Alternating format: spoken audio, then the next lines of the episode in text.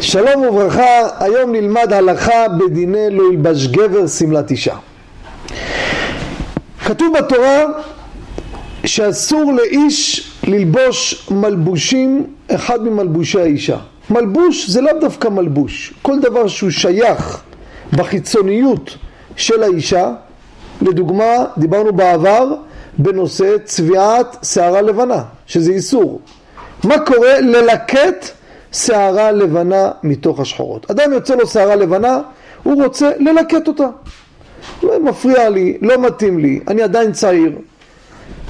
רבותיי, זה איסור.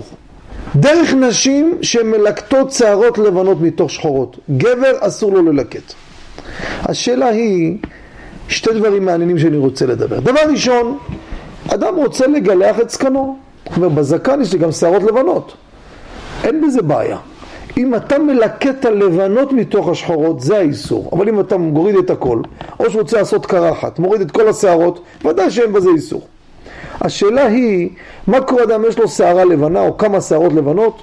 הוא אומר, אני לא אתלוש אותם, אני רוצה לקצר אותם. אני אקח מצפריים, יחתוך חלק מהם. נקרא לזה בלשון המודרנית, הוא רוצה למזער את הביזיונות, שהוא מרגיש שהוא מבוזה בזה. מה ההלכה בזה? הייתי בזה, שאלתי לגאון הגדול רב ניסים קרליץ, כשהוא לו רפואה שלמה, לפני כמה שנים, והוא אמר לי שלדעתו, וכך הלכה למעשה, מותר לקצר שערות לבנות אם לאחר שאני מקצר את השערה היא נשארת ניכרת. אם אני מקצר אותה משאיר טיפה שמי שמסתכל לא רואה, זה אסור. אבל אם היא ארוכה, אני מוריד חצי, נשאר בחצי מספיק שטח. אלא מה, למה אני מקצר?